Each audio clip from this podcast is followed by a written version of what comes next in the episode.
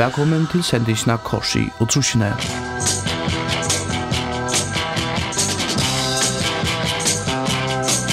I hese sending feir vi kjenner munnen gåa ved manne Korsi, som til hver sending hever et nytt tisse i kjottene. Eit tonlaga tisse vi utvalt om blåmån fra en farnare tøy, ta en biler med meir enn bæra et flottningsekvær. Vel at kom nu i utarstående korsi. Takk for det. Vi er at vi er nødt til å sende av korsi og slusjonen at han har en langere stek, kan jeg si. Vi tar helt igjen et år lenge sommerferie. Takk må man godt si, ja. Så nå er vi datter. Ja, og nek vatten uh, rundt under brunnet. Ja, så gjerne ta.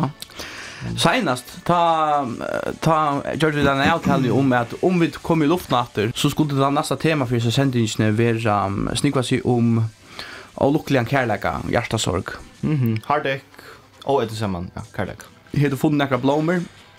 Ja, jeg har rømt at akkurat som høyka sin etter, etter Jim Steinon, og jeg har funnet, jeg har funnet så touch jeg etter perler fram. Vi börjar vi vi vill lägga ut vi till till äldsta sanchen faktiskt. Det testa inte helt kon lokas men vi börjar Arne och Tvejus. Ehm och hette faktiskt den enaste eh kan man korte sanchen så det här var om hjärtasorg. Resten är kan du helst säga, sen det Maira, Maira Maira dapper, men hesten är så öliga glaver och og det er så etter en mann som heter uh, Neil Sedaka, amerikansk uh, sangar, og och pianister. Så var uh, kjent i Jøkken Holtrushne, trusjene og Holfjersne. Og sanger vi skulle høre etter Breaking Up Is Hard To Do. Og han, han var opptidsen i tvei månedtøyerskajen, eller tver, tverfer. Fyrferdnar i 2 og 17 ferdnar i 5 Men uh, det er så tann versjon fra 2 som vi skal høre, som eisen kom ut av single samme år. Så without further ado... Do do do down, do be do down down. Comma, comma, down, do be do down down. Comma, comma, down, do be do down down.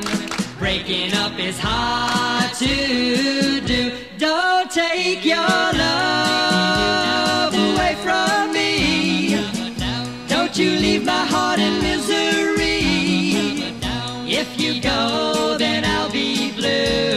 Cause breaking up is hard to do. Remember when you held me tight And you kissed me all through the night? Think of all that we've been through And breaking up is hard to do. They say that breaking up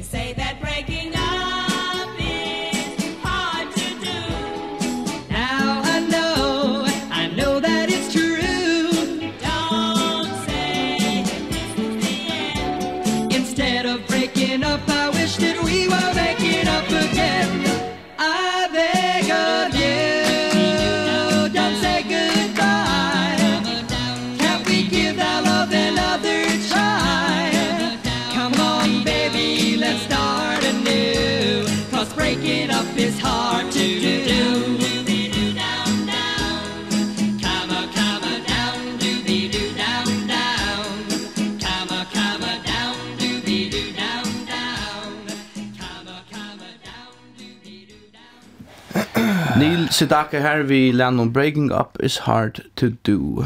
Og det var så första perlan som uh, Korsi fann fram ur sin noen omkvarvesvinnerlige bereposa. Mm -hmm. Bereposen er boradikker skal jeg helst å sija. Fra englemersk. Hva er det så da nasta leie du, du bara er vi? Ja, hetta verður så eisini ein uh, ein kentur sanger, men kanskje ikki helt, helt lukka kjente.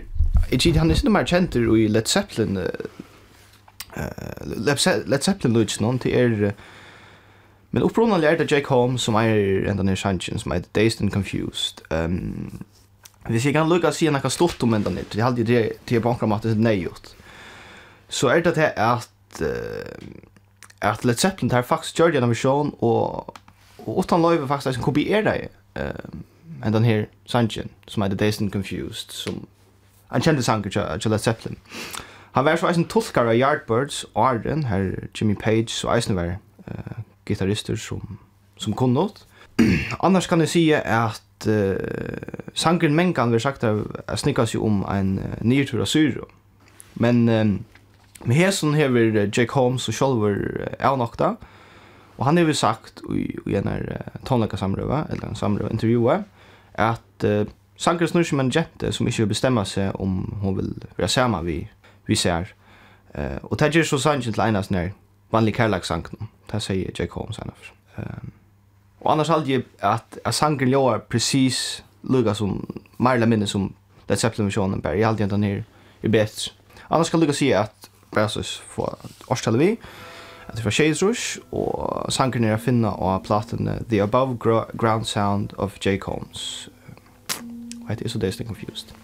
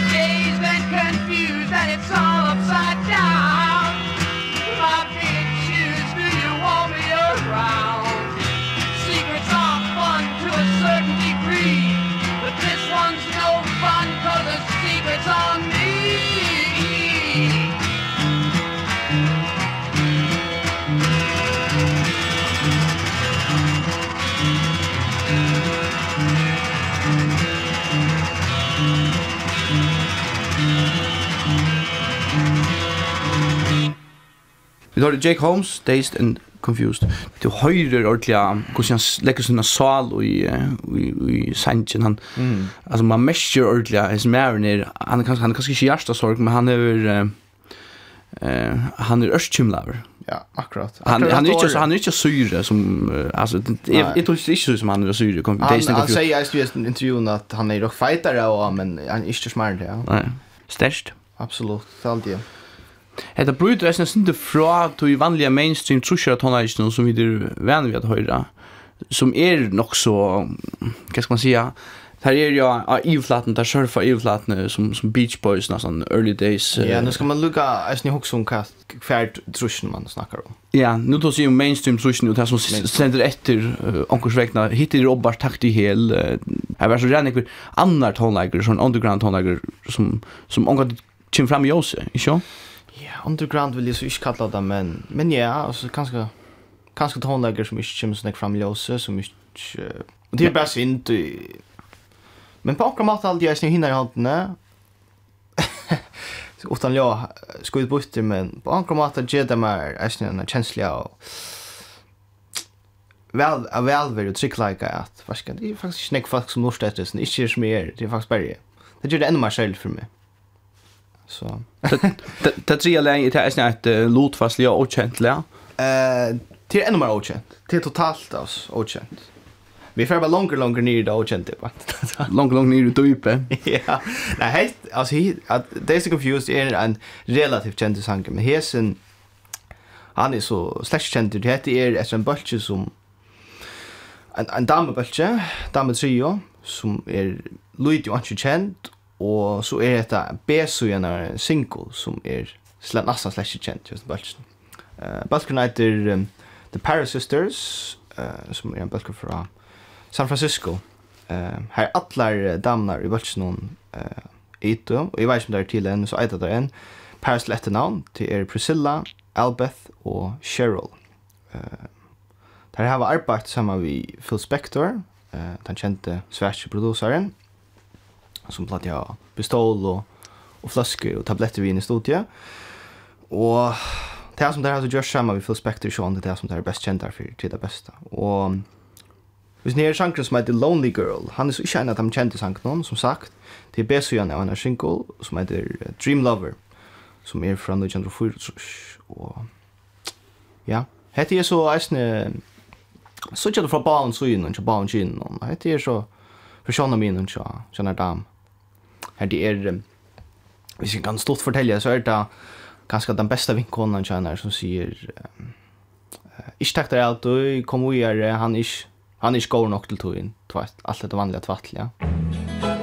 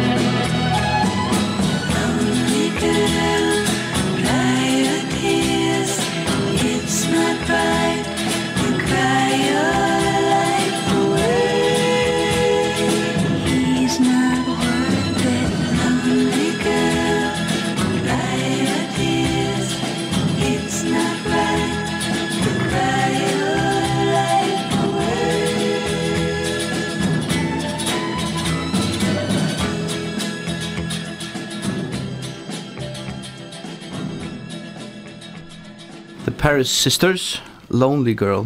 Men da var vel maten til till Shinjuban. Han är där teskat att lasta andra så så luftigt. Ja, ja, ja. Hvor har man ikke inte kommit för Shinjuban så långt? Jeg skiljer det ikke. Det var ölja. Du har stendt den der Santos, der røykfyllta rødden. Ja. Eller røykfyllta rødden, kanskje det er rett. Det var øyne jeg fremme i trusjonen. Eller, man har det, Janan.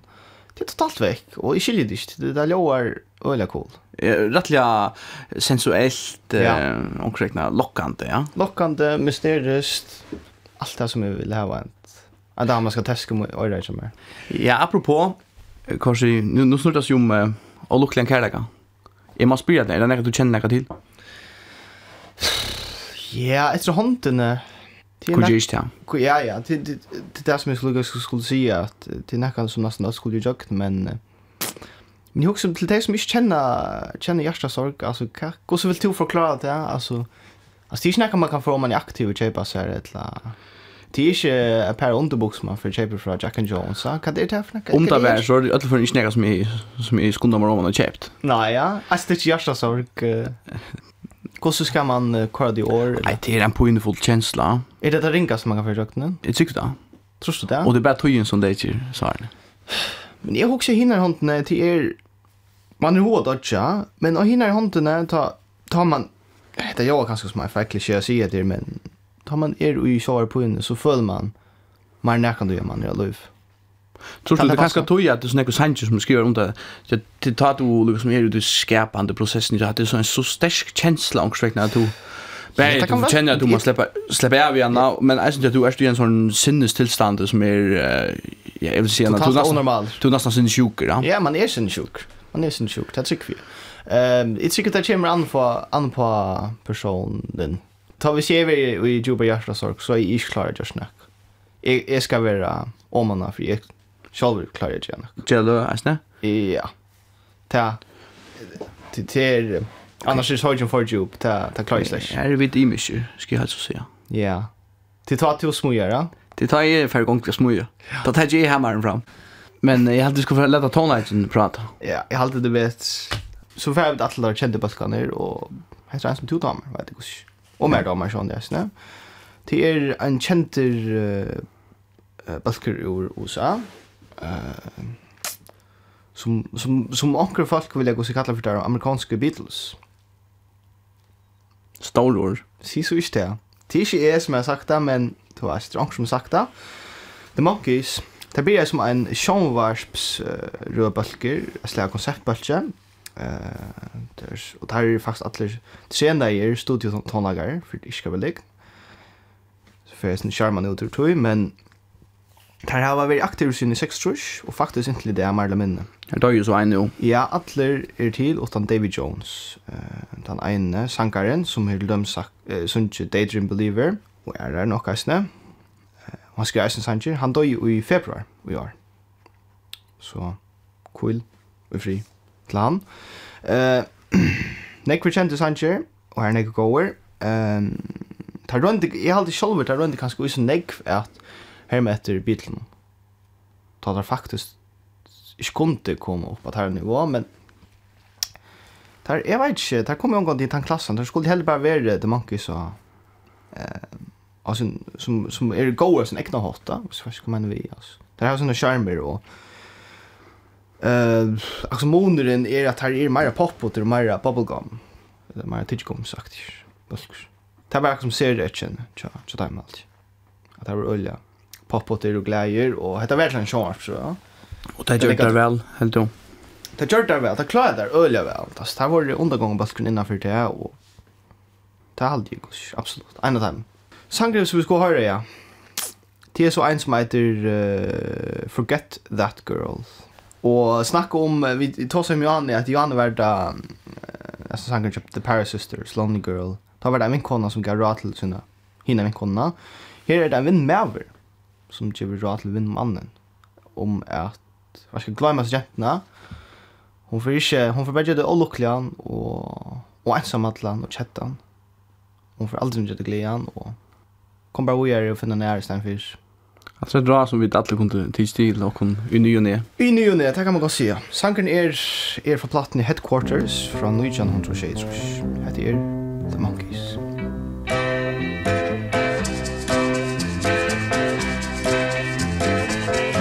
Forget that girl She'll only make you sad someday Forget that girl she'll never make you happy. Stay away from her, loving Stay away from her. Forget that girl. She'll only bring you down again. Forget that girl. She'll only make you lonely.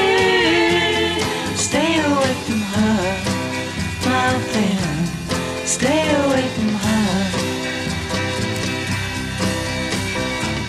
There was a time when she could really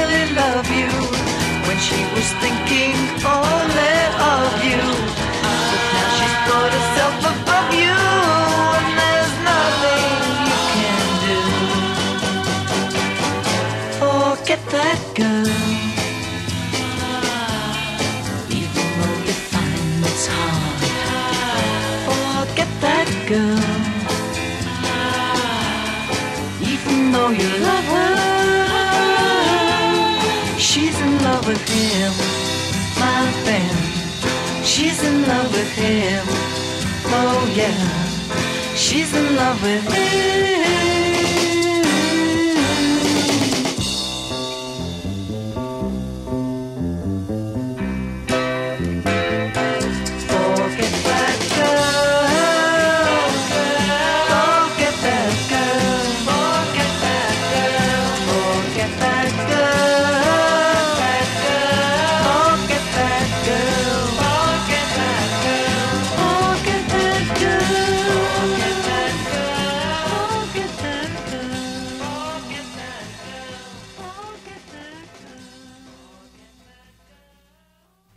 Du lort etter Korsi og Trusjene.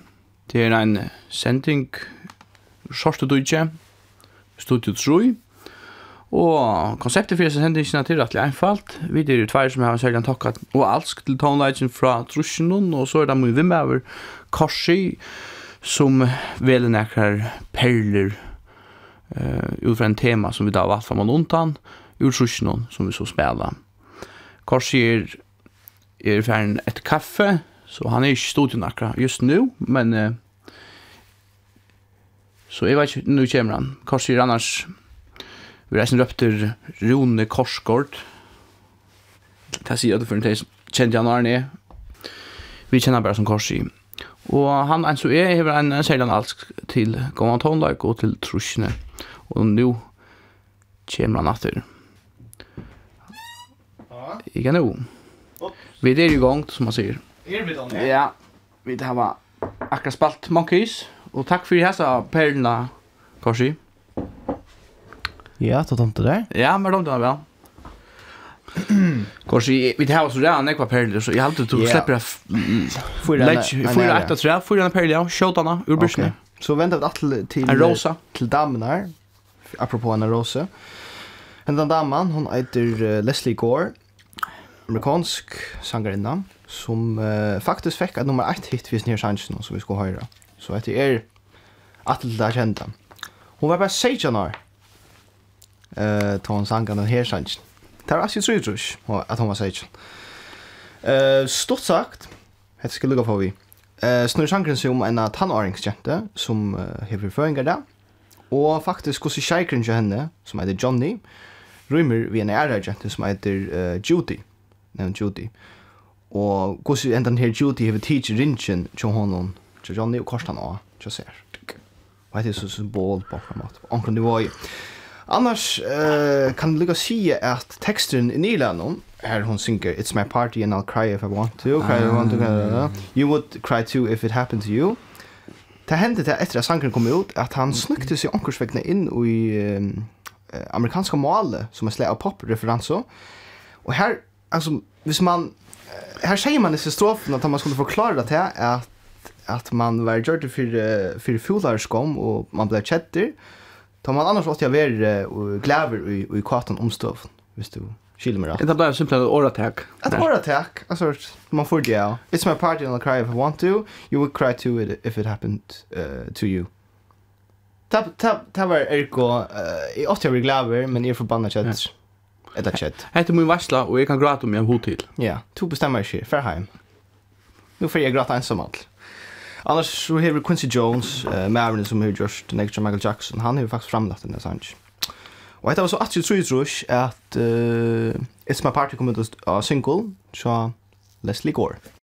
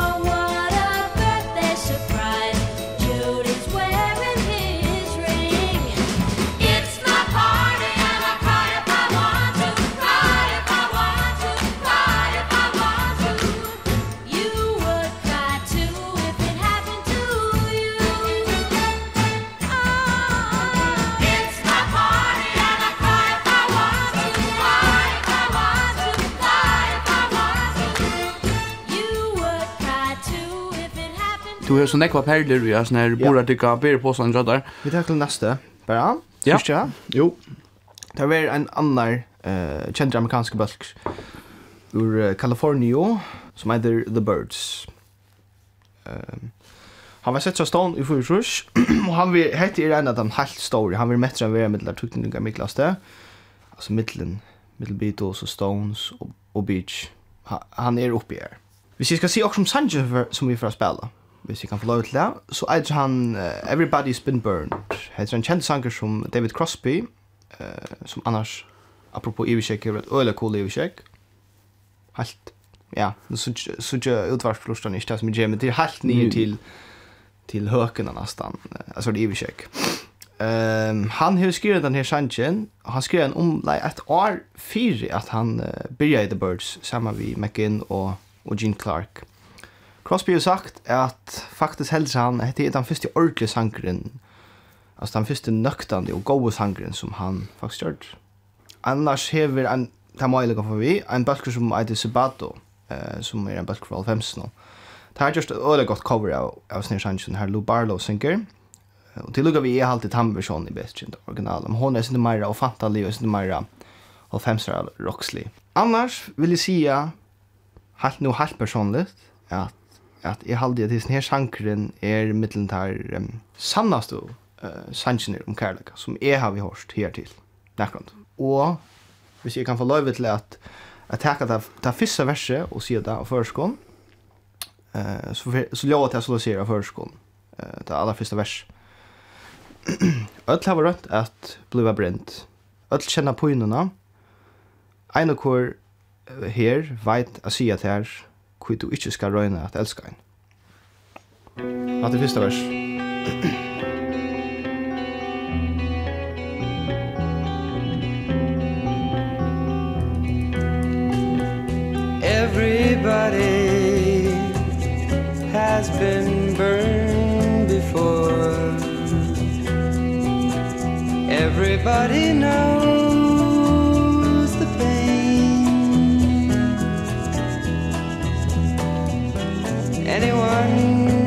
this place.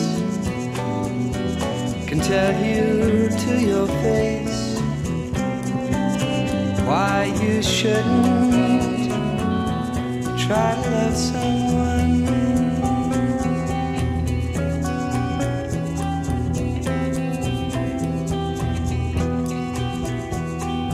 Everybody knows It never works Everybody knows and me. I know that door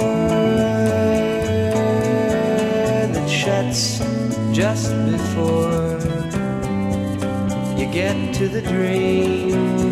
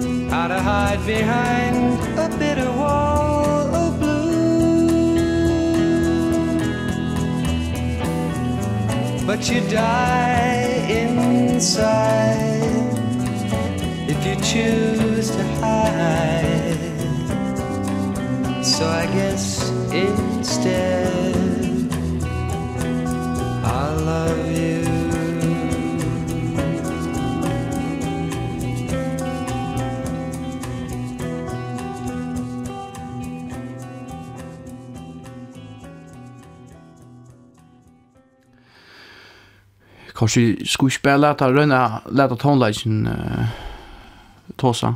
Tåsa gjennom løtte? Ja. Nok akkurat tås. Halta. Vi får, skal, skal dekka det neste også? Ja, gjør det stort. Ja. Det er så god sier en, uh, en damebølger fra, fra New York, fra Atle Damnar, som heter uh, The Shangri-Las. Og fyrir at helt stort så kommer denne sjangren ut av single i 1904. Ehm og det er en, det er en klassisk tannårings hjertebrotts uh, sanker.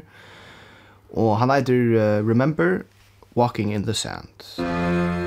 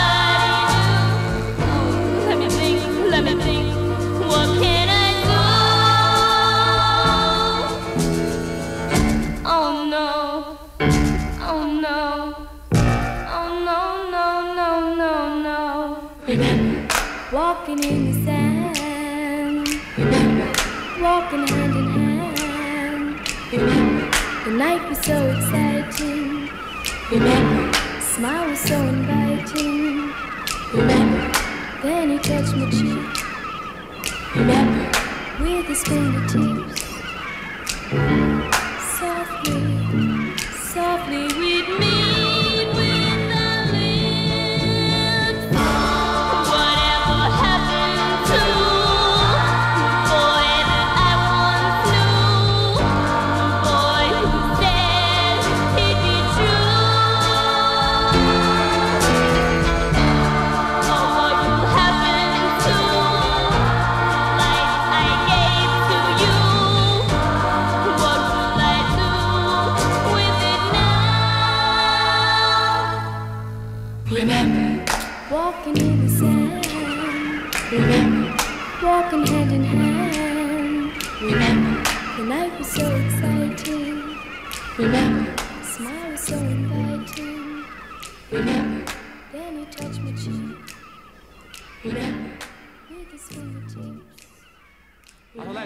damer väl. Kört du det? Ja. Eh synker väl. Det ja. Rött. Vi mot till hina luft i rötna. Här har liksom motsättningen, va? Hon är bara soul eller öle soul aktiv. Och så är det ju så omäk vi eller han som har gjort att lägga vi att bryta takterna, ja, ja, ja, rytmerna och, och bryta holeje och sen någon egentligen är det bara sanger till den fortelling alltså det är att sen men här kvar det ut det där extrema. Ja, ljomenta. Ja, kvar en ljomenta och likker och minst till stranden. Ja, var det stranden och så ska man inte bara minnas att man ska höra det isen. Ja. Så saknar man ju det. Men hade isen stor klockhats eller genial skrastrika svøk hod at han fyrir Anders Hansen. At han var ikke, at han var ikke Phil Spector, men uh, han som det kallar for Phil Spector nummer 2, nesten fra Trusjnum, til han som kallas for George Shadow, og her gjør jeg uh, gasreits tegn, uh, Morton, som var heilen handa bøltjen og faktisk Hansen reisen. Det er han som, som har funnet på at det her er Det er är sånt. Og så så var det nevnt du men jeg lust att at uh, Shangri-La styr är som som som gjør den här läge som har gjort att läge. The leader of the pack. Og her er det eisen, snö har man isen så hårt. Motorcyklar og crash og wow, rope og alt mulig, Ja ja. Kanske her til, Ikke bare i hessasendingen, men eisne hinbansendingen, de undanfarene som var spaltar i, eller som var sendar i fjør sommar. Har du bare haft utlensk lø? Men nu? Men nu. Jeg vet ikke om vi, det, det er ganske onöjigt at att uh, säga något om uh, bølgen, om leie. Skal vi spela läta? Jo, er det nevnt, så er det kjent, ja. ja. Så, spela på ena sannsyn, och sen säga något. Og ikke mer. Ja, det är det. Så vel.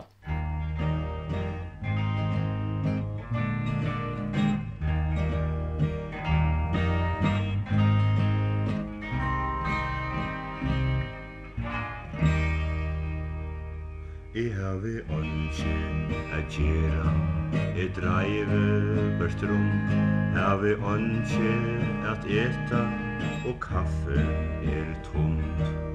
Rume er kvale Og songen er kald Jeg føle me eina Sjokk ui i eina fjall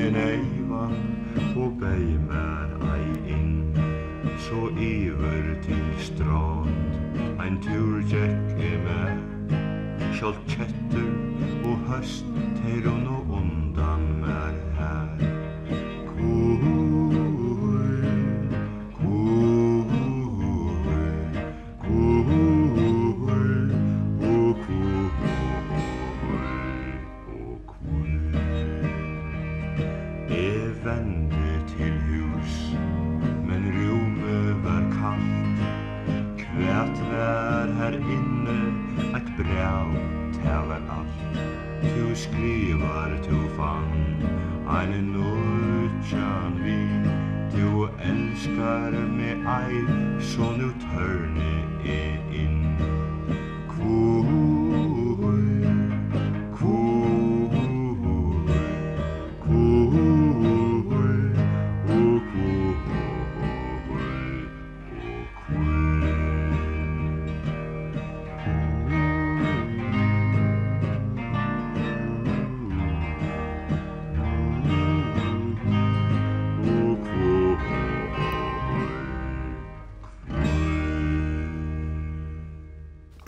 Ja, hver sier at um, at førske tonlager ikke eisen kan være djuper, kan være rørende? Det er ikke jeg. Nei. Og hetta lei er ikke bare med hjertesorg og, og, og lukkelig en kærleika som, som annars er tema til okken. Det er ikke så. Ja, altså, det halde er på samme måte som, som Jake Holmes uh, synker uh, i Days and Confused.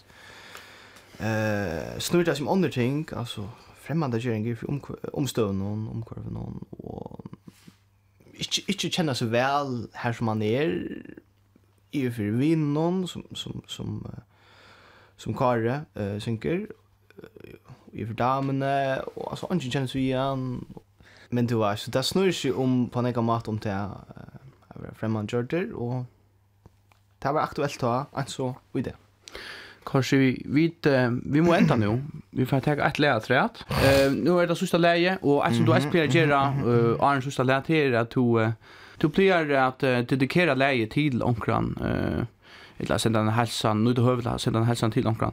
Det första läge til, så du släpper att att greja fra att det för det och och köra till onkran. Tjus väl. Kanske du får så stor. Tack för det.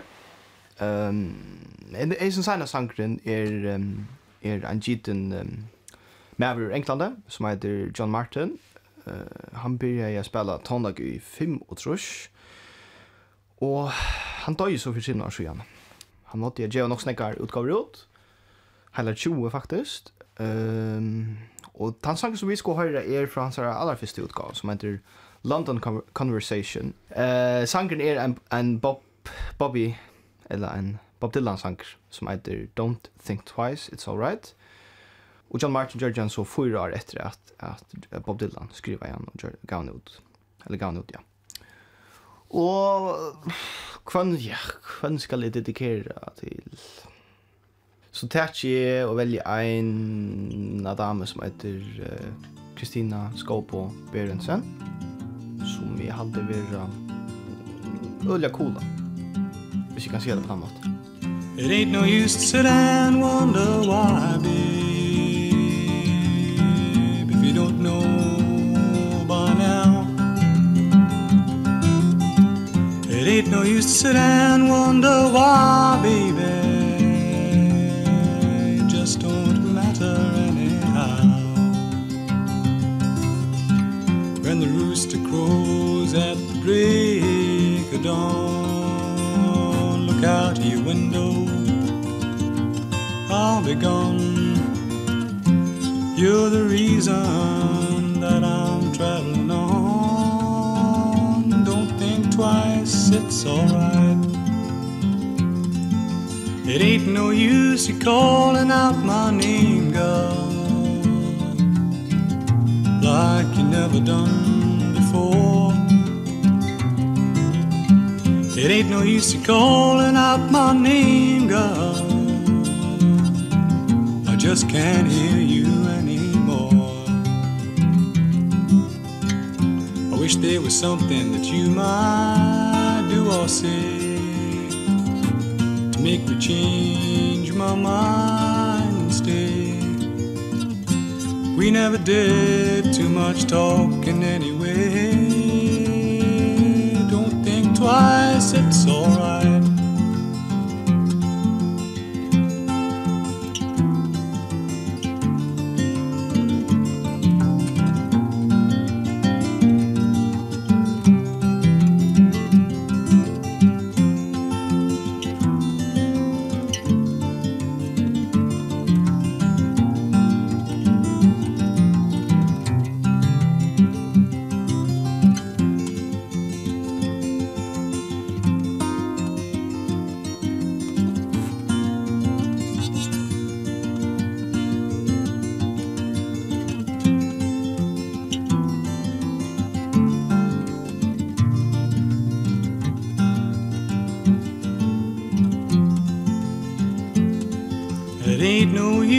turning on your light be the light that I never knowed. It ain't no use you turning on your light baby Cause I'm on the dark side of the road. Well I ain't saying that you treated me unkind. You could have done better just don't mind. You just kind of wasted my precious time. Don't think twice, it's all right I'm walking down my long, lonesome road, babe Where I'm bound, I can tell. Goodbye's too good a word, baby.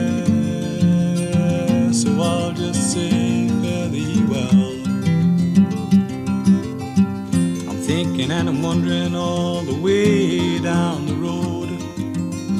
I once loved a woman A child I'm told I gave her my heart but she wanted my soul.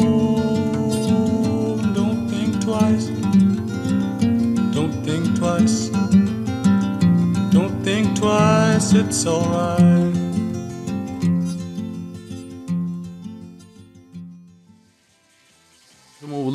avgjøre hva det neste tema. Vi slipper nemlig å tale fram i neste vik i eisene. Slipper vi det? Ja, det slipper vi ut.